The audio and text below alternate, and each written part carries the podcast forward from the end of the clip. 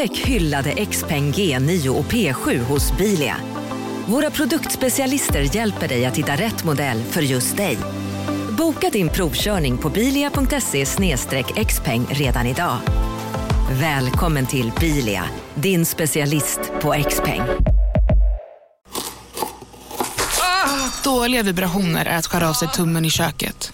Ja! Bra vibrationer är att du har en tumme till och kan scrolla vidare. Få bra vibrationer med Vimla. Mobiloperatören med Sveriges nöjdaste kunder enligt SKI. Nu ska du få höra från butikscheferna i våra 200 varuhus i Norden. Samtidigt. Hej! Tack. Jo, för att med så många varuhus kan vi köpa kvalitetsvaror i jättevolymer. Det blir billigare så. Byggmax. Var smart. Handla billigt.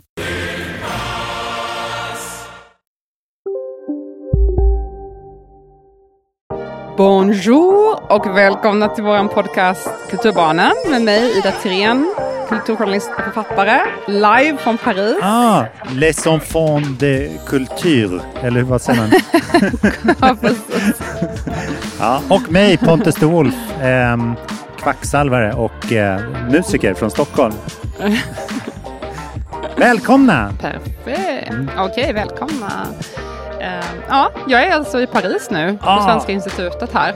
Det är fantastiskt. Jag fick, Mm. jag fick rysning när man... Det är fortfarande så när man liksom trycker Facetime-samtal att man får de här eh, europeiska telefonsignalerna. De här liksom... Oh. Som inte är Aha. de långa, de långa svenska signalerna. Standardsignalerna. Ah, Då Eh, visste du att jag var utomlands. ja, verkligen. Ah. Ett sätt, sätt man kan spåra folk. se om de är... Aha, intressant. Nej, jag skojar bara. Nej, men de är ju, man kan se om de är i utlandet eller hemma. Nej, vi hade lite int- jag kom igår, igår eftermiddag och så vi hade lite introduktion idag. De visade oss runt. Och eh, idag så... Eh, nu precis har jag varit på tagit en kaffe med min, en annan person som är på... Vi är ungefär sex stycken kanske som är här. Mm. Vissa är stipendiater, vissa konstnärsnämnden bland annat har en, ett stipendium så får man åka gratis. Och det får Ah. betalt till och med. Medan vi andra dödliga har fått betala lite grann då för att få hyra de här rummen. Men det är ju, man måste ju ansöka för att få hyra. Mm, mm. Så att eh, jag har precis tagit en kaffe här med min nya polare som är professor i litteraturvetenskap. En väldigt trevlig kvinna. Ah, Som jag inte vet om jag får outa hennes namn så jag vet inte Nej, om hon nej. kanske är hemskyddad. Men ja, vi har haft jättekul i alla fall. Mycket att prata om. mm. Så det känns kul att vara i en sån här kreativ miljö omgiven av andra författare och konstnärer och dansare och sådär. Gud vad härligt. Alltså, det låter ju som någon slags så här, Wes Anderson.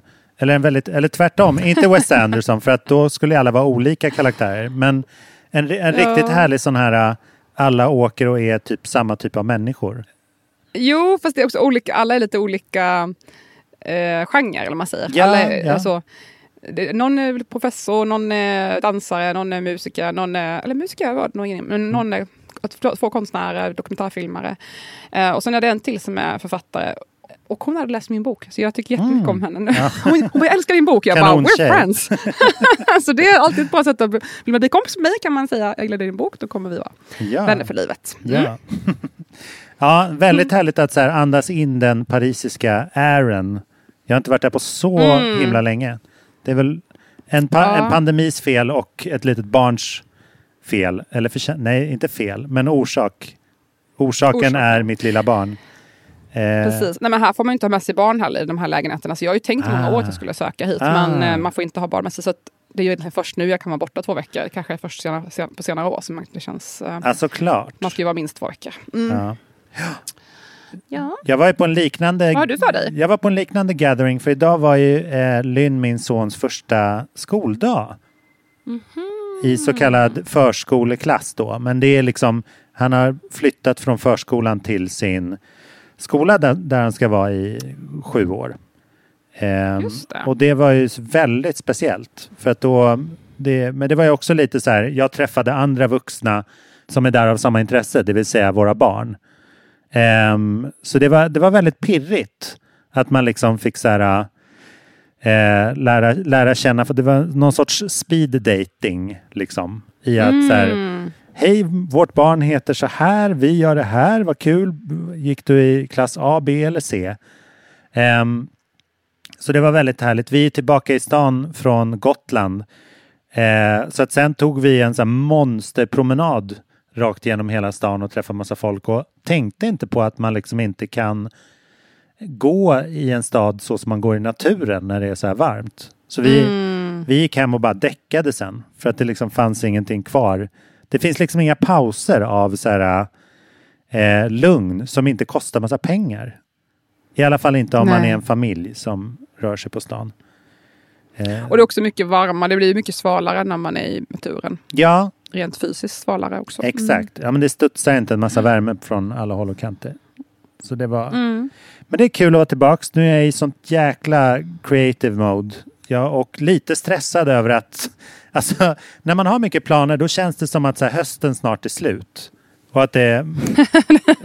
och eh, liksom, för att det är som frilansare så har jag satt upp massa deadlines för mig själv för projekt.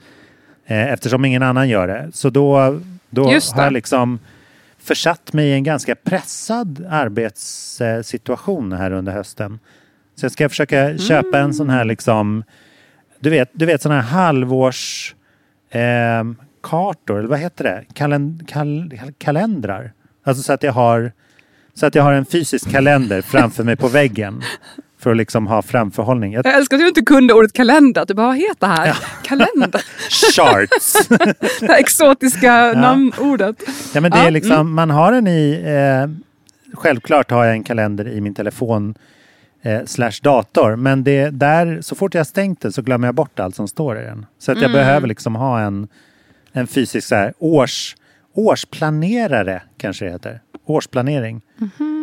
Eh, Du vet, man har alla månader på ett ark liksom. Och så får man skriva pytte, pyttelitet. för Jaha, så man får liksom en översikt där. Ja, Ja, det kan nog vara en bra idé. så- sånt där som var liksom längst bak i filofaxen.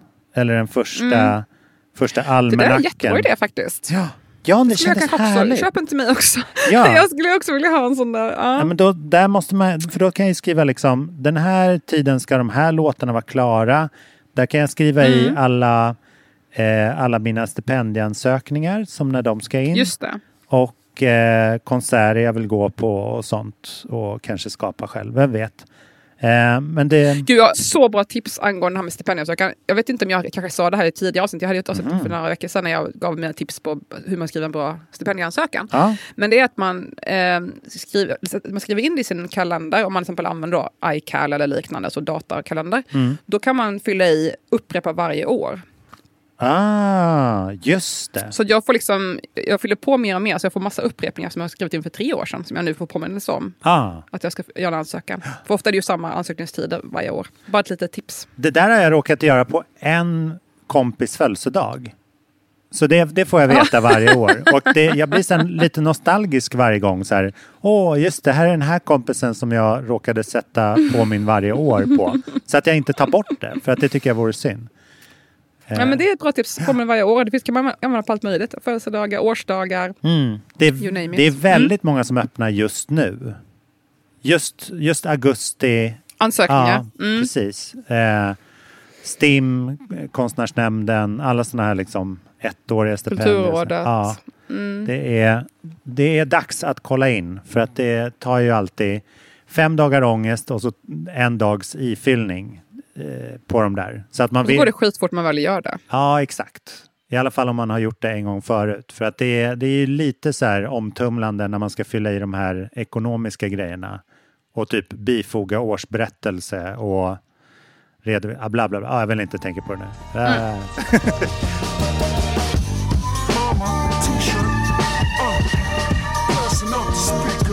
Jag, jag har ju varit på Way Out West. Ska jag, ska jag dra lite om det kanske? Ja, skitgärna. För att jag har ju följt det på håll, så att säga. Ja. Nej, men jag var ju då där i några dagar, helgen nu då. Nu känns det som att nu är jag redan i en helt annan plats. Men, Ja.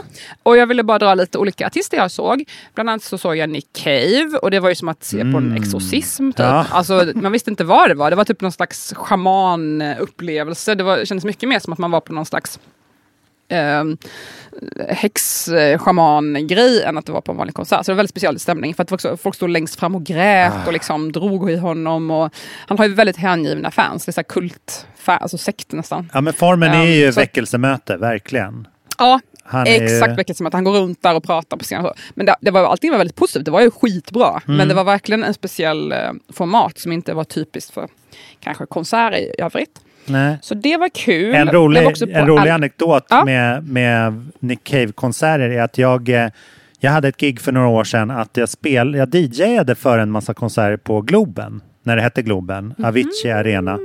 Ehm, Mm. I deras liksom ölservering där. Ehm, så att eh, jag, när jag spelade liksom innan, innan något hårdrocksband så spelade jag massa ditten och datten av det. Och, eh, för det, jag, är väldigt, så här, jag är väldigt bred. Jag kan liksom fors, forska i lite musik i ett par timmar och sen kan jag spela nästan vilken genre som helst. Liksom. Även om jag inte gör det korrekt på enligt konstens alla regler. Ja, men hitsen liksom. Ja. Som man kanske vill höra när man är på bar. Precis, men jag hade lite så här, jag hade lite tänket att om jag spelar på en Nick Cave, inför en Nick Caves konsert så ska jag bara spela B-sidor. Och inte sånt som... Ah, Inte sånt det som han älska. spelar. För att... ehm, För jag vill ju inte Ah. spoila, jag vill inte spela så här Where the Wild Roses Grow, typ. Eller sånt som Into My Arms. Sånt som han Mm. Just det. definitivt kommer spela. För det, det, då tycker jag det förtar liksom av... Så här, vem är jag att ta den platsen? När den Plus hans fans är så hängivna så de kommer bli skittaggade av att höra en B-sida. Ja, ja men exakt. Och det, han har ju väldigt Mm. mycket B-sidor. Nästan fler än A-sidor. Ehm, Mm. Han släpper liksom hela katalog, ja skitsamma. Men, eh, men det roliga med det var att sen när det liksom började räkna ner till så här, nu är det en halvtimme, tar nu en kvart kvar så går ju alla in till Glob i liksom proper arenan och tar sina platser. Eh, och sen så helt plötsligt är det fem minuter kvar och, och så sitter det liksom några bord kvar. Och sen börjar konserten i rummet bredvid, men de sitter kvar och vill bara dricka bärs och lyssna på Nick Cave. Så att de liksom satt, fast de hade den riktiga Nick Cave med den riktiga konserten i dörr, så här, dörren bredvid, så bara ah, den här gamla låten. Och så de ville liksom hellre ge mig lite extra tid. Några till minuter kan vi sitta här och dricka bärs till CD-spelaren. Liksom. Ehm, så det, det är väldigt eh, speciellt. Jag fick en, med en tankeställare så här, varför folk går på konsert. Typ. Att de vill så här, Ja, e, enas, de vill ha något att göra, enas kring en viss musik och sen kanske det inte är så här, vissa är ju liksom, som står i ett publikhav, är ju egentligen för korta. Så att de liksom aldrig ser scenen. Ehm, för att det är, det är ett helvete när det är så här platt, helt platt så att liksom ja. de, ja, i sådana här enorma arenor. Så att det blir inte så stor skillnad mot att liksom höra det i ett vanligt ljudsystem. bara till bättre ljud. Ja. ja. Men eh, ja, så, um, Mm. så det, det om Nick Cave. Vad såg du mer? Eh, jag såg en kille som heter Alex G som är väldigt hypad. Eh, han är väl, jag tror han är 95, kanske 96, 94. Alltså han är runt 20, mellan 25 och 30 och han är amerikansk kille och han har släppt massa låtar nu under pandemin. Blivit väldigt stor. Aha. Det är lite så lo-fi indie pop typ. Ah, jag hade inte hört honom men mitt sällskap då med min kille och hans kompis har lyssnat jättemycket på det här var skittaggade. Och det var på en av de här Stay Out West som är, alltså de som inte har varit på White West så är det liksom dels konserter, dels en massa kommersiell försäljning och sånt där också på plats. Och sen finns det efter konserterna, efter klockan 11 tror jag det är, är det Stay Out West, då är det olika platser omkring Göteborg, typ Pustervik, Lis- Liseberg, Scandic, eh. Centralen. så Röda sten där de har och sådana ställen. Ja, olika event, alltså band som spelar men också klubbar och sånt där. Man hellre vill gå och dansa och så. Eh, och det här spe- spelade jag var på Pustervik och det var verkligen jag och typ ett hav av eh, hockeyfrillor Eh, som var där. Och när jag säger hockeyfrilla menar jag inte så här, åh föråldrade gubbar runt 60, utan Mm. jag menar verkligen 25-åriga kids, eller 20-åriga kids som har den här Gen Z-mallet, som, jag brukar, eller som man kan kalla det. Har, för de som inte har koll på det här har blivit väldigt, väldigt populärt bland, eh, ja men Gen Z är ju folk som är typ 25 år yngre, har blivit väldigt populärt att ha hockeyfrillan.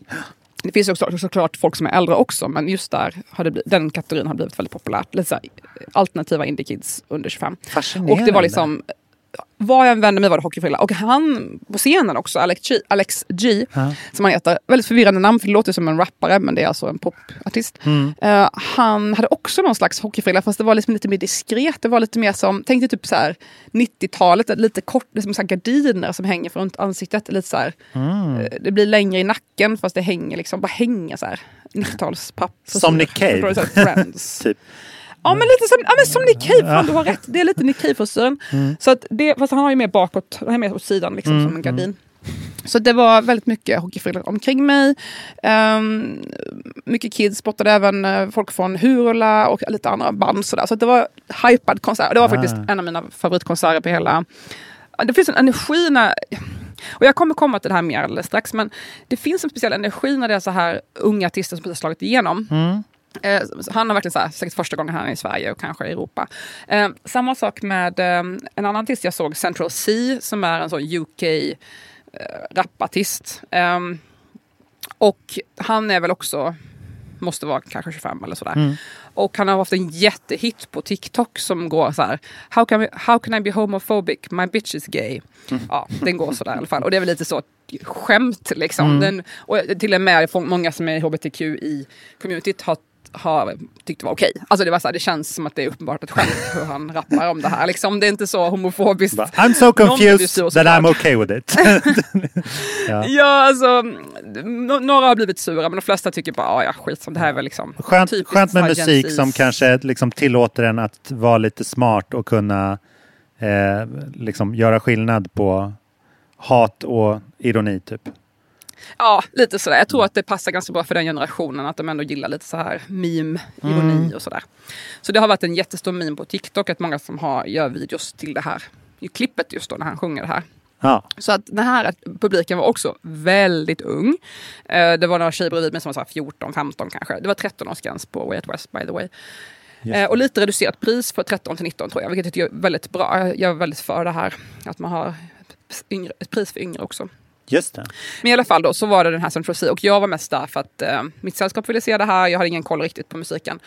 Och ehm, det var ju extremt varmt, klockan fyra på eftermiddagen. Mycket hiphop märkte jag. Hiphop för yngre la de väldigt tidigt på eftermiddagen, la jag märke till. Jag tror att det Ah. var för det så här, kan lätt bli liksom...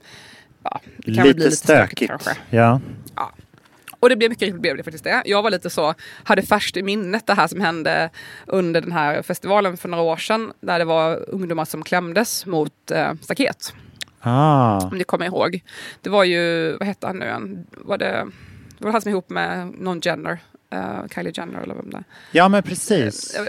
Eh, vad heter han? Travis, Travis Scott. Ja. Ehm, hans konsert var ju så, flera ungdomar som dog eller som blev väldigt skadade av att de klämdes mot staket och sådär. Ja, Så de hade ju inte så här- så kom igen nu, pusha, Mm. kom liksom närmare och så. ja, men det är så konstigt med folk som har blivit så kända genom tv typ. Och blir för stora som inte kan så hantera själva säkerheten hos sin egen publik. Just det. Ehm, det blir ju väldigt... Och sen är det vanskligt med... Alltså svenska och nordiska festivaler har ju tragiska minnen från bland annat Hole-konserten som var 97, 98 och den här Roskilde-katastrofen där 8-9 ungdomar dog Just det. 99. Var det också kläm, klämgrejer? Ja, precis. Och sen dess så sätter Jaha, de ju det upp eh, så delstaket. Eh, så att man är lite Mm. mer i sektioner på ute, utefestivaler. För mig är det så, alltså jag råkade vara på båda dem, Hultsfred och Roskilde. Så att för Oj. mig är det så här, ja det där är ju självklart. Men alla som går på festival Ja. nu eller lyssnar på den här podden, de kanske inte känner till det. Och det är inte, Nej, det är inte alltid som var just- hiphop har varit festivalmusik heller. Nej, det var exakt det här jag tänkte faktiskt på. Det var intressant att du tar upp det. För att jag tänkte just på det på den här konserten. För Mm. att en grej som jag såg på den här konserten, kanske förekommer annat, men jag har aldrig sett det här förut. Jag har varit på jättemycket konserter och festivaler i mitt liv. Mm. Det var att det blev så här liksom pits, inte så, inte moshpit, utan snarare som en cirkel, som typ på en klubb. När man Mm. gör en cirkel och ska typ göra så här freestyla, kanske man gör några moves eller man håller på Ah. med, eh, vad heter det? Åh, jag kan inte prata, vad heter det? När man gör dansar på golvet. Snirret snurr, eh, breakdance. Ja, precis. det det man kanske gör liksom breakdance. man kanske gör breakdance eller man kanske har några moves. Ja. Och det, här var, alltså, det har ju grabbar, det här var verkligen så här, unga killar. Mm. Vi snackar killar som är runt 18-19 år och gillar brittisk rap. Liksom. Killar med K. Och de gör såna Mm. st- Stora killar med stort K. Um, men gjorde liksom stora cirklar och skulle så här göra moves och var inte ens särskilt duktiga kan jag tillägga. Ja. Men det som händer när man plötsligt gör en jättestor cirkel mitt i publikhavet är ju att folk blir ju klämda, alltså folk blir pushade mot sidan. Ja, ja. Så de här 13-14 tjejer bredvid de flög ju som små liksom fjädrar Mm. fram och tillbaka. Och jag som är så här 1,80, vad säger jag, två, en eller två Mm. och rätt så här fötterna på jorden. Så jag så här, hade lite koll där, jag blev lite morsa där. Jag ville egentligen gå därifrån men jag, bara, jag kan Mm. inte lämna de här tjejerna. Jag, jag var lite orolig att de skulle bara så här, äh, kul! Och sen bara plötsligt så var de nedtrampade. Ja. För de här unga killarna har ju ingen, de skiter ju i dem bara så, äh, de är liksom i sitt i euforin. De har ju ingen koll på någonting. Så det var nog skönt att det var på dagtid, att det var Mm. Ja. ganska ljust. För det kunde faktiskt blivit lite, jag, jag fick en lite dålig känsla, att det här kan gå snett. Alltså. Jag fick ändå en liten oroväckande känsla. För det var gång på gång på olika platser, så här, slumpmässigt kunde det vara en ny cirkel som startade. Liksom. Ja Så det var panik. säkert tio gånger under konserten på olika platser. Så att man visste aldrig riktigt när det skulle... Och sen... Ja, folk flyttade sig. Ja, det, det var lite konstig känsla. Och då tänkte jag också på det här. Jag, bara, antingen, jag vet inte om det här är ett nytt fenomen, för bara jag har missat det. För jag kanske inte har varit på tillräckligt mycket den Ja. typen av musikkonsert. Jag vet inte. Men jag har i alla fall aldrig sett det förut. Men jag tänkte också på att många i den här målgruppen, som är då runt 20, vissa betydligt yngre, har ju inte varit på konsert eller festival på typ tre år på grund av pandemin. Så de har ju Nej. liksom aldrig som vuxna varit på en konsert. Så att de kanske har en liten annan, det är som att de har en ny, nystart i vad kan en festival vara, vad kan en konsert vara. Att det är många nu som försöker så här, lära sig, aha, hur beter man sig på en klubb, hur beter man sig Ja. på en konsert. Reglerna har lite grann skakats om, så det tycker jag var en intressant fundering. Så här. Ja, men det verkligen. Alltså det, är- det, det brukar ju vara en ganska smooth... Alltså säg att man har så här fem, fem, sex goa festivalår i sig. Då brukar det kroka Mm. i liksom de nya generationerna. Alltså det läggs ju till publik eh, hela, hela tiden. Men Ja, när, precis. när det är ett så så här treårs... så här gör man. Liksom. När det är ett så här Ja. treårs gap så finns det ju ingen, ingen långsam inlärning utan det blir ju liksom Exakt. chicken race mot kunskap liksom. Eh, så det måste Ja. vara en superutmaning för arrangörerna som nu, för de måste ju upp i liksom samma kapacitet med en gång eh, som före pandemin. Så det är Och verkligen särskilt när det är såna här jättesvårt. artister som lockar en så ung publik. Alltså Ja. alla där var ju, nästan alla där var ju unga liksom. Nu säger unga menar jag under 21. Alltså Ja. inte ens 25 kanske har varit på konsert och sen har det varit några år. Så. Utan det var verkligen jätteung publik. Och då, då tror jag verkligen det är det här att man är lite så, oj hur ska man göra? Mm. Ja, visst, gör en dansring. Ja, liksom. så att det tyckte jag, och man kanske sett det på TikTok eller så att man, folk gör det och så Just blir det liksom det. en meme. Så det var en ganska intressant. Ni får gärna tipsa, för den som lyssnar, för ni har sett det här förut, så får ni Mm. gärna tipsa mig. Jag har sett det någon gång på TikTok, men jag har inte sett det IRL förut, så det var intressant.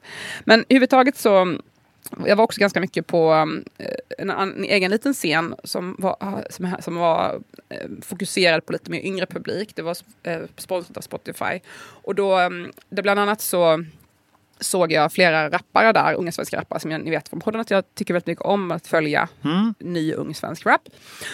Och sen fick jag också, av en slump hamnade jag i, i, bredvid en av de här som hade skött, gjort den här, skött den här scenen på Spotify. Det var två kvinnor som hade gjort, Ah, ja. upp den här scenen. Ja. Och jag hamnade med henne, så jag satt och snackade med henne i säkert en halvtimme. Och jag, hon hamnade verkligen med rätt person. Jag bara, de, Ja. de borde typ anlita mig som konsult. För jag bara, bla bla bla bla. Alltså, det här är mitt stora intresse. Och så analysera kultur. Jag bara, har du tänkt på det här? Vad bra jobbat med det här.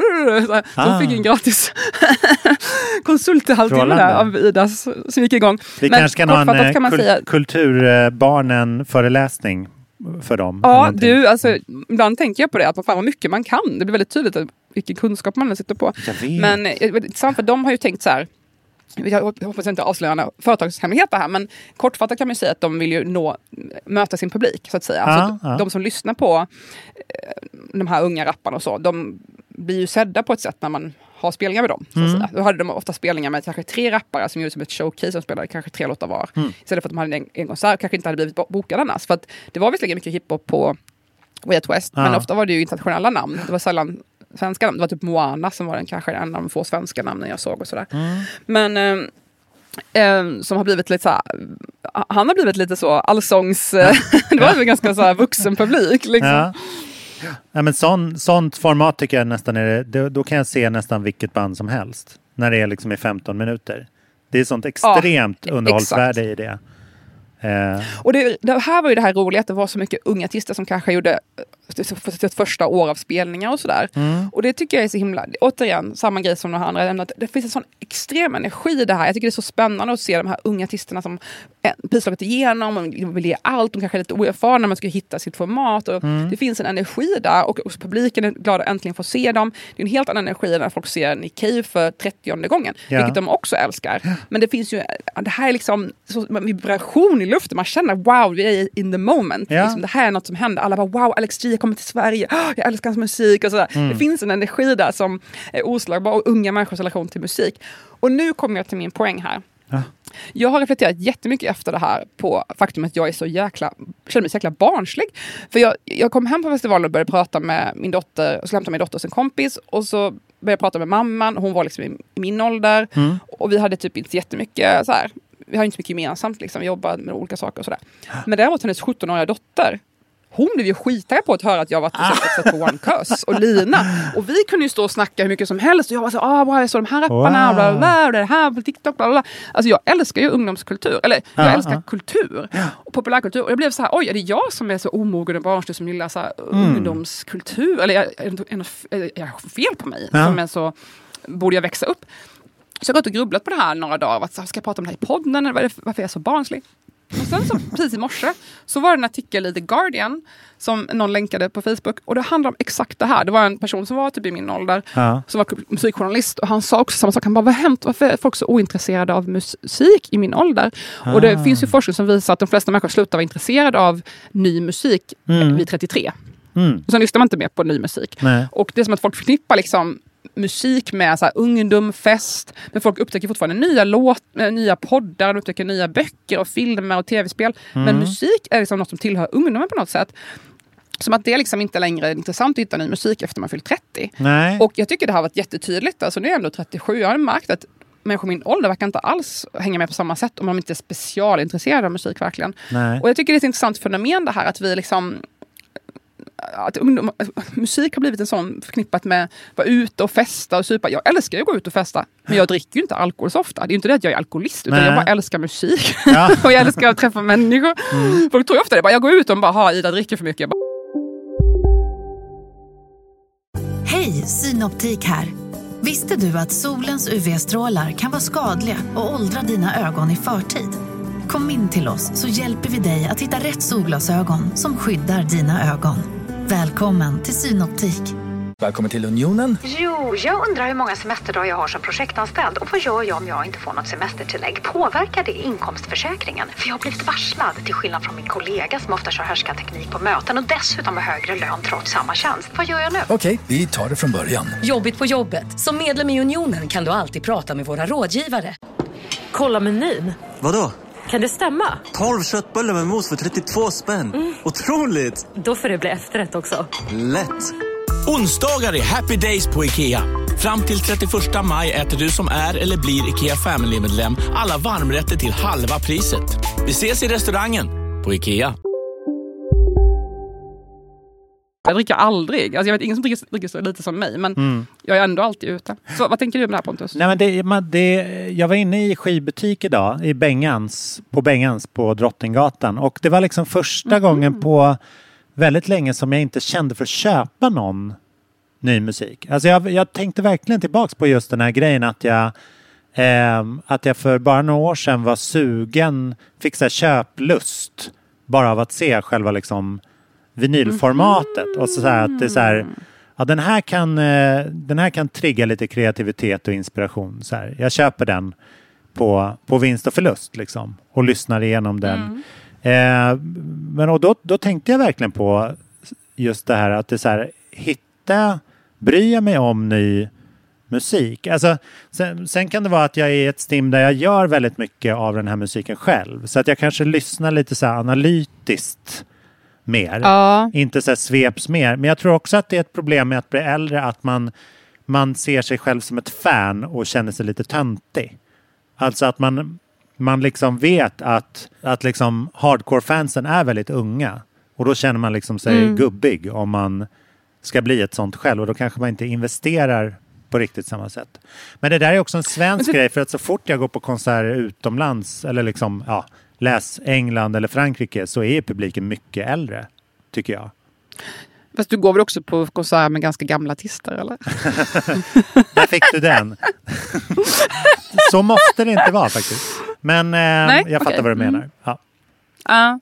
Men musik också traditionellt tänker jag ett, ett format där man ofta slår igenom ganska ung. Mm. Medan jag har ju folk som är ganska framgångsrika musiker, som är mina vänner, och de håller på att gå i pension typ i min ålder. Ja. Det jag precis nu känner att jag börjar få mitt genombrott som författare. Alltså nu börjar det hända grejer för mig. Mm. Eh, När jag hållit på så länge, med 20 år med det här och skriva och försöka skriva och så händer det ingenting. Och så nu börjar man känna så här, okej nu. Men det, det, det är långsammare format, eh, Mm. litteratur och det tar längre tid att bli bra på det. Men musik kanske är mer så här ungdomens uttryck på något sätt. Och jag vet inte, men jag blev funderar så här, vad, vad händer sen? Alltså, Ja om nu ungdomen, den här nya energin ofta kommer i en ungdom ett uttryck för sam- reaktion på samhället och man reaktion för sin, reaktion på sin Mm. generations frågor och tankar. Vad händer sen? Mm. För att jag tänkte på exempel litteraturen, där, där har jag märkt mer och mer de sista åren att jag är inte så intresserad längre av att läsa böcker som handlar om unga människor. Jag tycker inte det är så kul längre. Ah. Alltså så här, klassiska böcker som kommer ut som är så här, åh en tjej som dejtar olika människor. Jag, jag bryr mig inte. Ja. Alltså det har inte att göra med att det är en dålig bok, det är bara så här, jag är totalt ointresserad av det här. Det, Ja. Finns ingenting som berör mig i det här. Nej. om Det är typ världens bäst skrivna bok. Alltså, ämnet känns inte intressant för mig längre. Jag kan liksom jag lä- kommer läsa in på, förbi det sid- i mitt liv, liksom. läser in på sida ett så här, var du kommer landa någonstans i, liksom, Ja. i den här historien. Och det finns en, en plats för det också. Typ så Sally Rooney, folk älskar ju henne, brittiska, eller Mm. irländska väl, författaren som skriver mycket om så unga kvinnor i, i postmodernismen. Liksom. Vackra Och värld, jag har bara inte fastnat.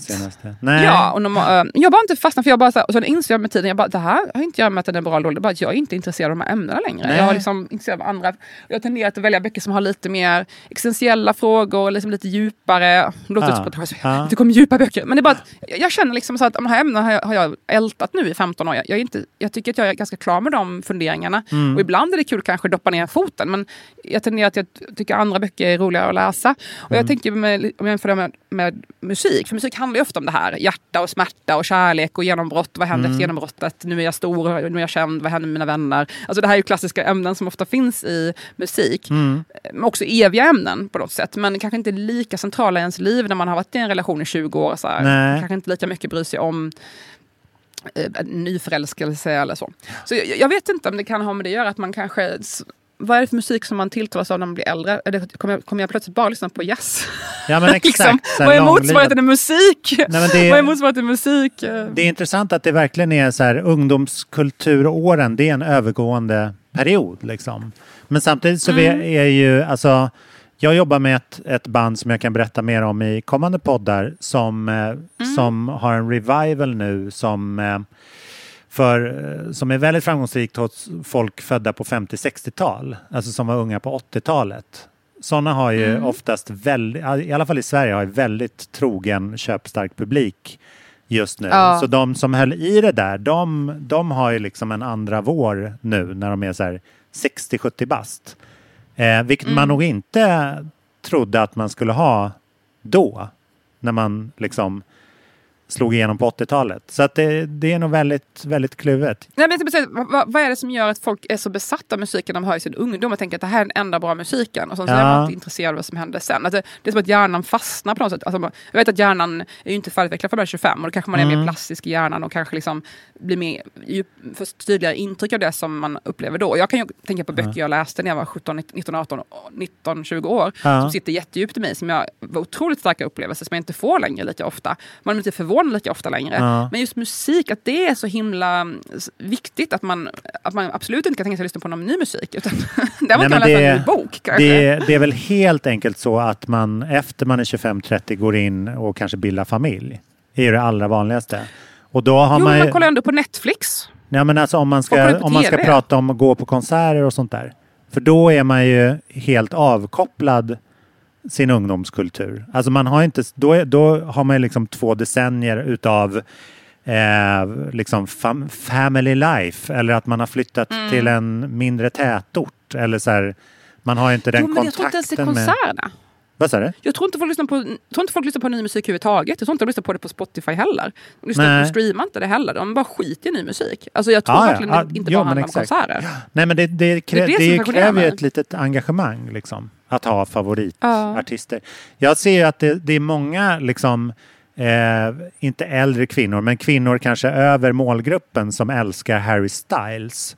För att han står så jäkla mycket för en liksom eh, en så här manstyp som, som verkligen Mm, är så nya här, manligheten. Ja, som är så här seende och eh, respektabel och eh, queer typ. Eller så här, vad heter det när man... Mm.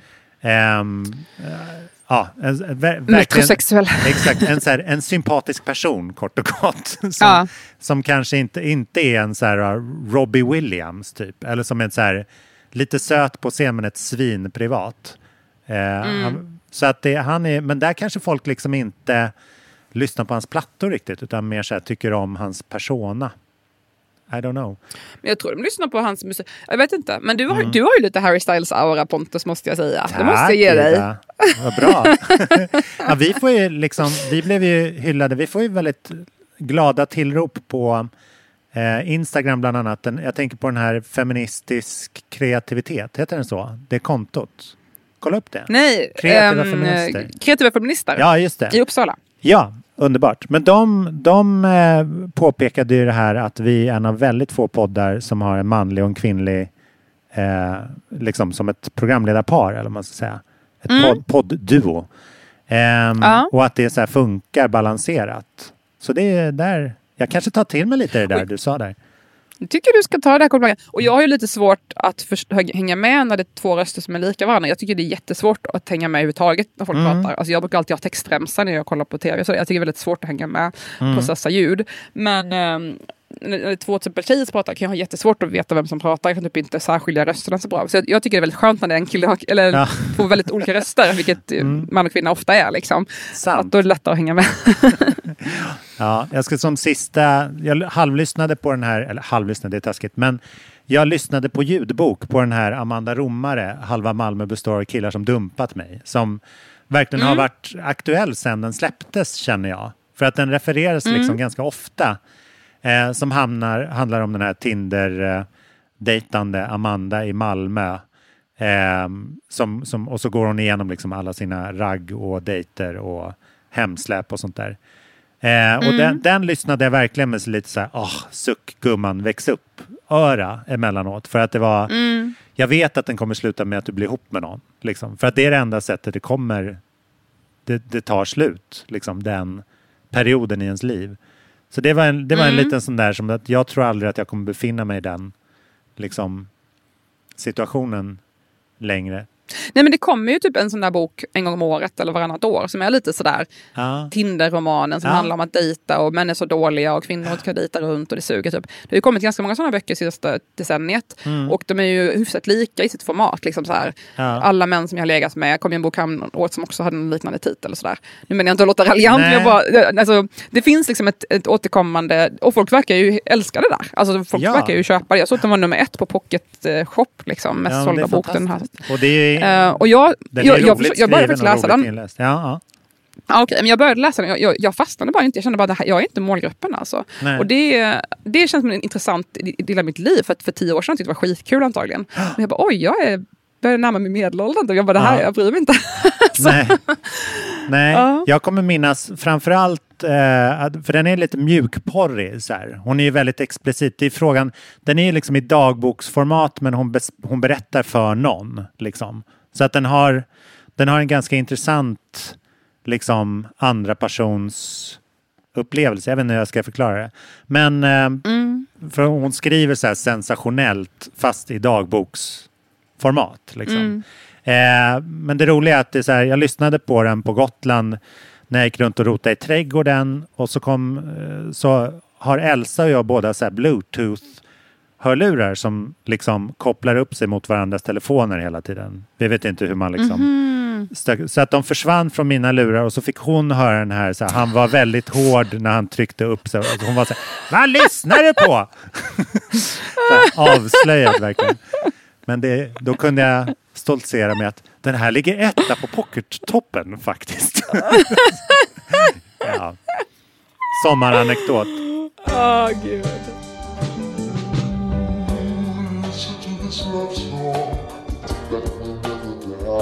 Ja, nej men alltså, jag, jag, kul, alltså, kul för henne och jag, jag måste säga min egen bok har ju också element av det där. Ung kvinna hittar sig själv och ligger, ligger med olika män och sådär. Så jag är Mm. liksom, det är inte så att jag, jag är ju själv ett, en del av det där.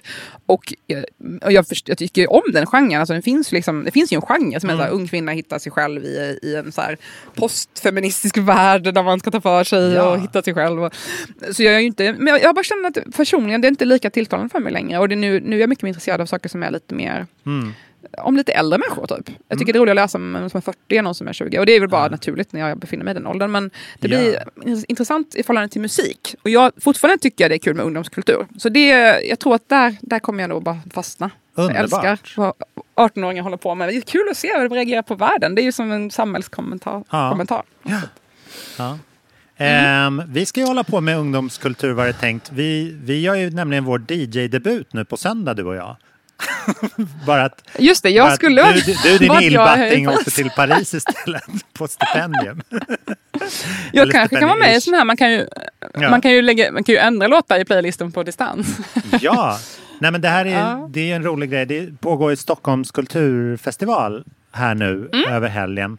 Eh, massa roliga scener och ganska uppstyrda grejer med konserter, teater och allt möjligt. Lite fringe, eller, eller vad var det vi kallade det?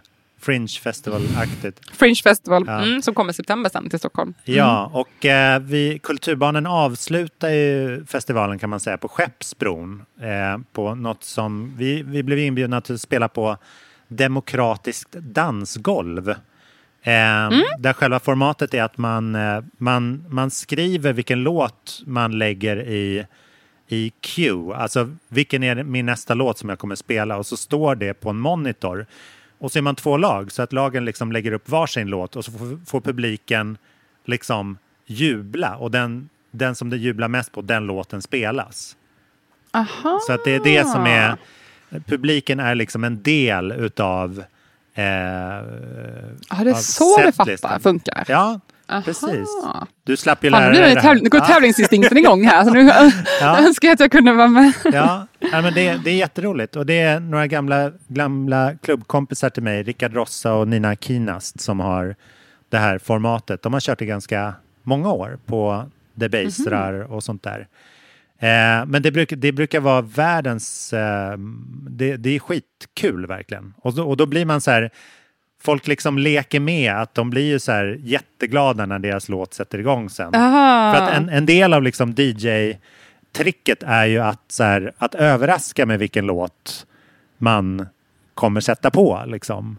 Hur, man, Mm. hur man synkar och, och, och vad man väljer att liksom kontra med. Men det här, det här är ju liksom totalt tvärtom. Att Mm. det ska ju vara så förutsägbart som möjligt. Eh, men jag hittade en ersättare till dig. Eh, Ja, i, dig, eh, vem, vem ersätter där? Eh. Är det Loop Troop Rock? Ja, exakt. Nära faktiskt. Det är Sotan, om du känner honom. Okej, ja, men jag har Ja. träffat honom på en fest i Los Angeles. Han, ja, okej, ja, han ser mm, faktiskt ja. ut som Loop Troop-sångaren. Det är spännande. Ja, Det är lite samma aura faktiskt. Mm. Ja, han är okej. Mm. superhipp.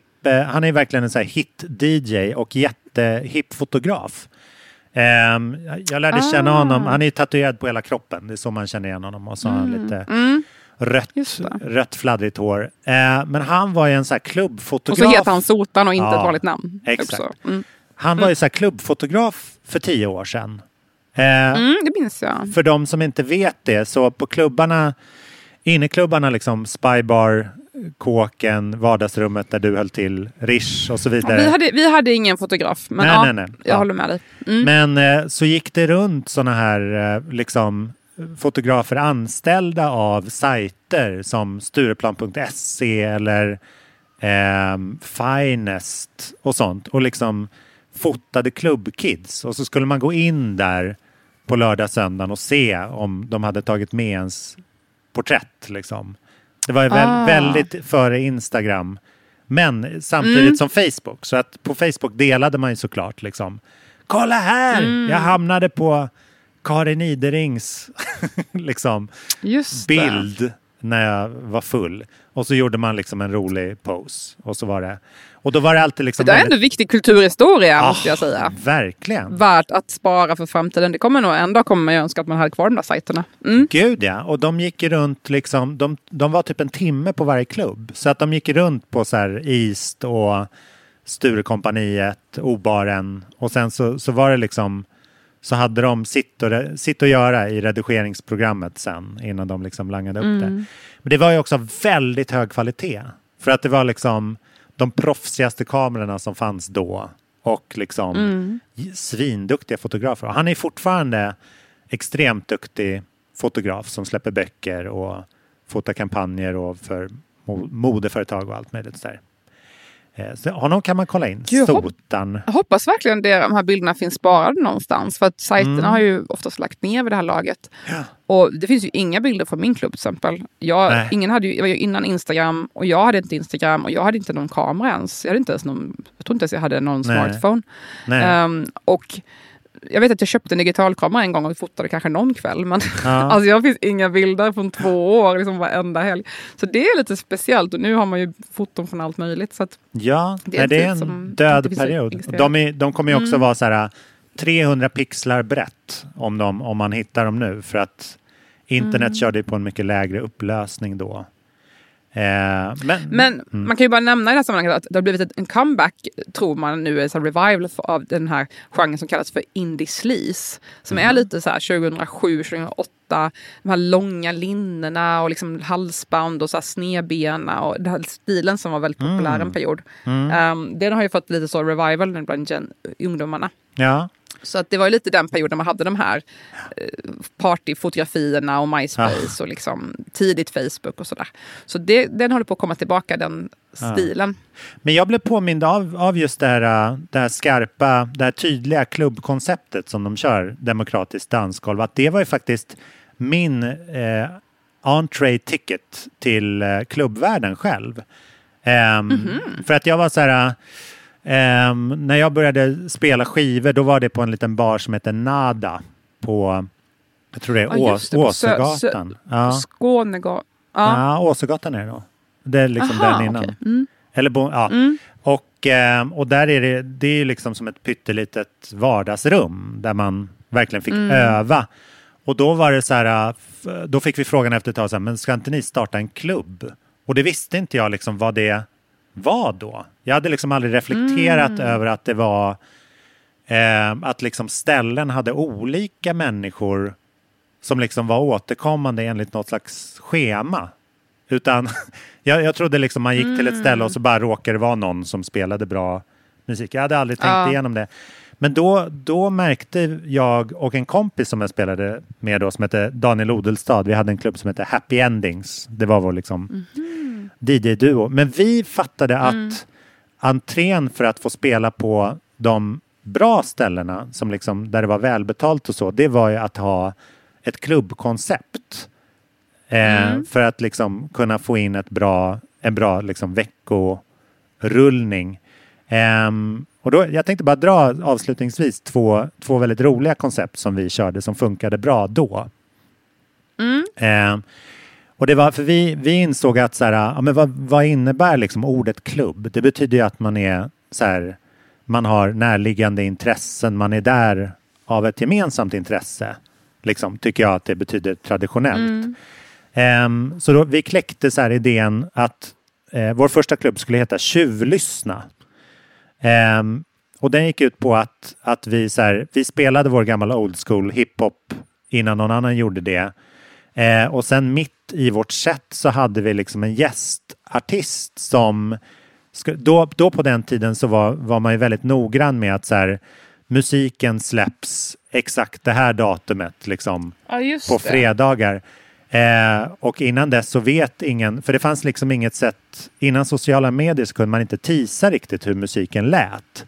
Utan den hade en så här premiärspelning på radio och där, det var första gången man hörde det. Men då i vår klubb Tjuvlyssnat så kunde man komma liksom och höra den Ah. klockan tio kvällen innan och så blev det som en liten releasefest liksom. Ah, Eh, så att det, publiken tyckte det här var jättekul och vår, vårt liksom vårt S gentemot eh, klubbcheferna då var ju att vi kunde ju få till helt otroliga namn helt gratis. Ah, Så att vi hade- de vill göra reklam liksom. Ja, och reklamen var ju bara att de hade med sin låt på en CD-skiva, ställde sig i DJ-låset, båset och, och la på den. Och sa så här, hej, vi är Sahara Hot Nights, här kommer vår nya singel. Och så fick vi så här liksom gästades av Dungen och Titio eller liksom en Adam Tensta tror jag. var med. Alltså superduper namn som vi inte Mm. de spelade ju inte live då, eller vissa gjorde det för att de var så här, ja men det är vad jag alltid gör. Men, men det blev liksom ett Mm. sätt att vi kunde annonsera med, med helt freaky stora namn. Fast utan, Ah. de gjorde det i liksom PR-syfte. Så det, det gjorde att vi blev väldigt, Jättesmart. ja det var riktigt smart. Klurigt, Mm. finurligt. Mm. Ehm, och sen vår andra grej, då hade vi en sommarklubb på F12. Eh, som ju ligger i, det heter väl fortfarande F12? Kanske bytte namn där ett tag. Det är ju men- Konstakademins trappa. Exakt, exakt. Trapp, trappan upp till Konstakademin är en klubb. Ja, och vi hade inne i baren där, eller liksom dansgolvet. s- som du vet, alltså stora baren som, Ja just det, de öppnar upp där uppe ja. Mm. nej där nere. Där som man går in. Liksom. Ja, just det. Ja, där nere var det ja. Just Ja. det, där nere. Mm. Eh, där, hade vi, där kom vi på att så här, vi skulle samarbeta med eh, Scandic Grand Central som, är, eh, som var ett nyöppnat hotell då i, ehm, i ja, vad är det, vid Centralen typ. Mm. Ehm, Bredvid där, alltså i närheten av ja. F12. Eh, och då Mm. döpte vi vår, vår klubb till Get a Room och klockan 01 varje klubbtillfälle så lottade vi ut ett hotellrum för den natten.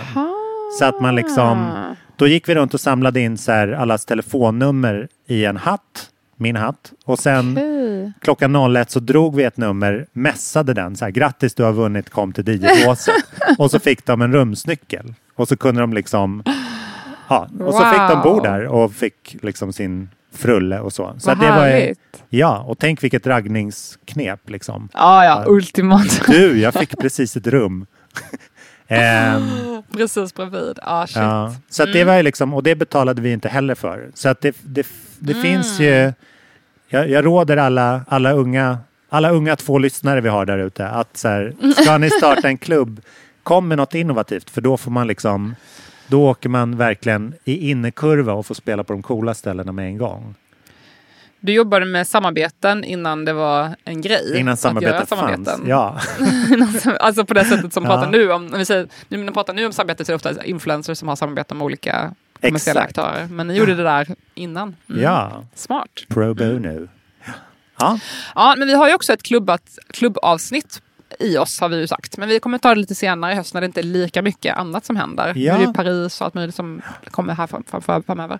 Och vi har ju också ett, eh, ett kultur eller dö-avsnitt som vi, som vi måste det. ta, som vi blev påminda av en Ja. instagram Så det blir tema... tema. Jaha, det var de som skrev det alltså? Ja, blev så glad. Mhm. Blir så glad varje gång ni skriver och prenumererar. Ja. Och Och tipsa folk. Vi blir så glada när folk tipsar om podden. Alltså, det betyder jättemycket. mega härligt. Och vi kommer nog göra flera Mm. public, eh, vad heter det, framträdanden när du kommer Ja, men tillbaka. boka oss! Ja, Ja, om vi kan få barnvakt så spelar jag gärna skivor. Dagtid tycker jag. Vi kan lösa av varandra. spelar på en restaurang. ja, nej, Ja. Men hör av er. Alltså, vi gör, gör gärna grejer på plats. Nu är jag också i Stockholm, så nu är det inte, bor jag inte längre i Värnamo. så Nu är du i Paris, Ja. vill jag påminna om. Nu är jag precis vad jag annars så är jag i Stockholm. Ja, Jag men vi jättegärna hörs höra- nästa vecka. Ja, då vill jag höra mer om Paris. För att det, Ja. jag längtar dit något, något otroligt. Det ska Ja, bli kul att se jag ska berätta mer om Paris nästa vecka. Ja. Ha det så fint tills dess allihopa som lyssnar. Tack för att ni är här med oss. Hoppas ni kan sova gott om ni lyssnar på det här på ett somnat. Ja. Vet att vissa gör. Vi ses på söndag och hörs nästa vecka. Ja, det gör vi. Hej då!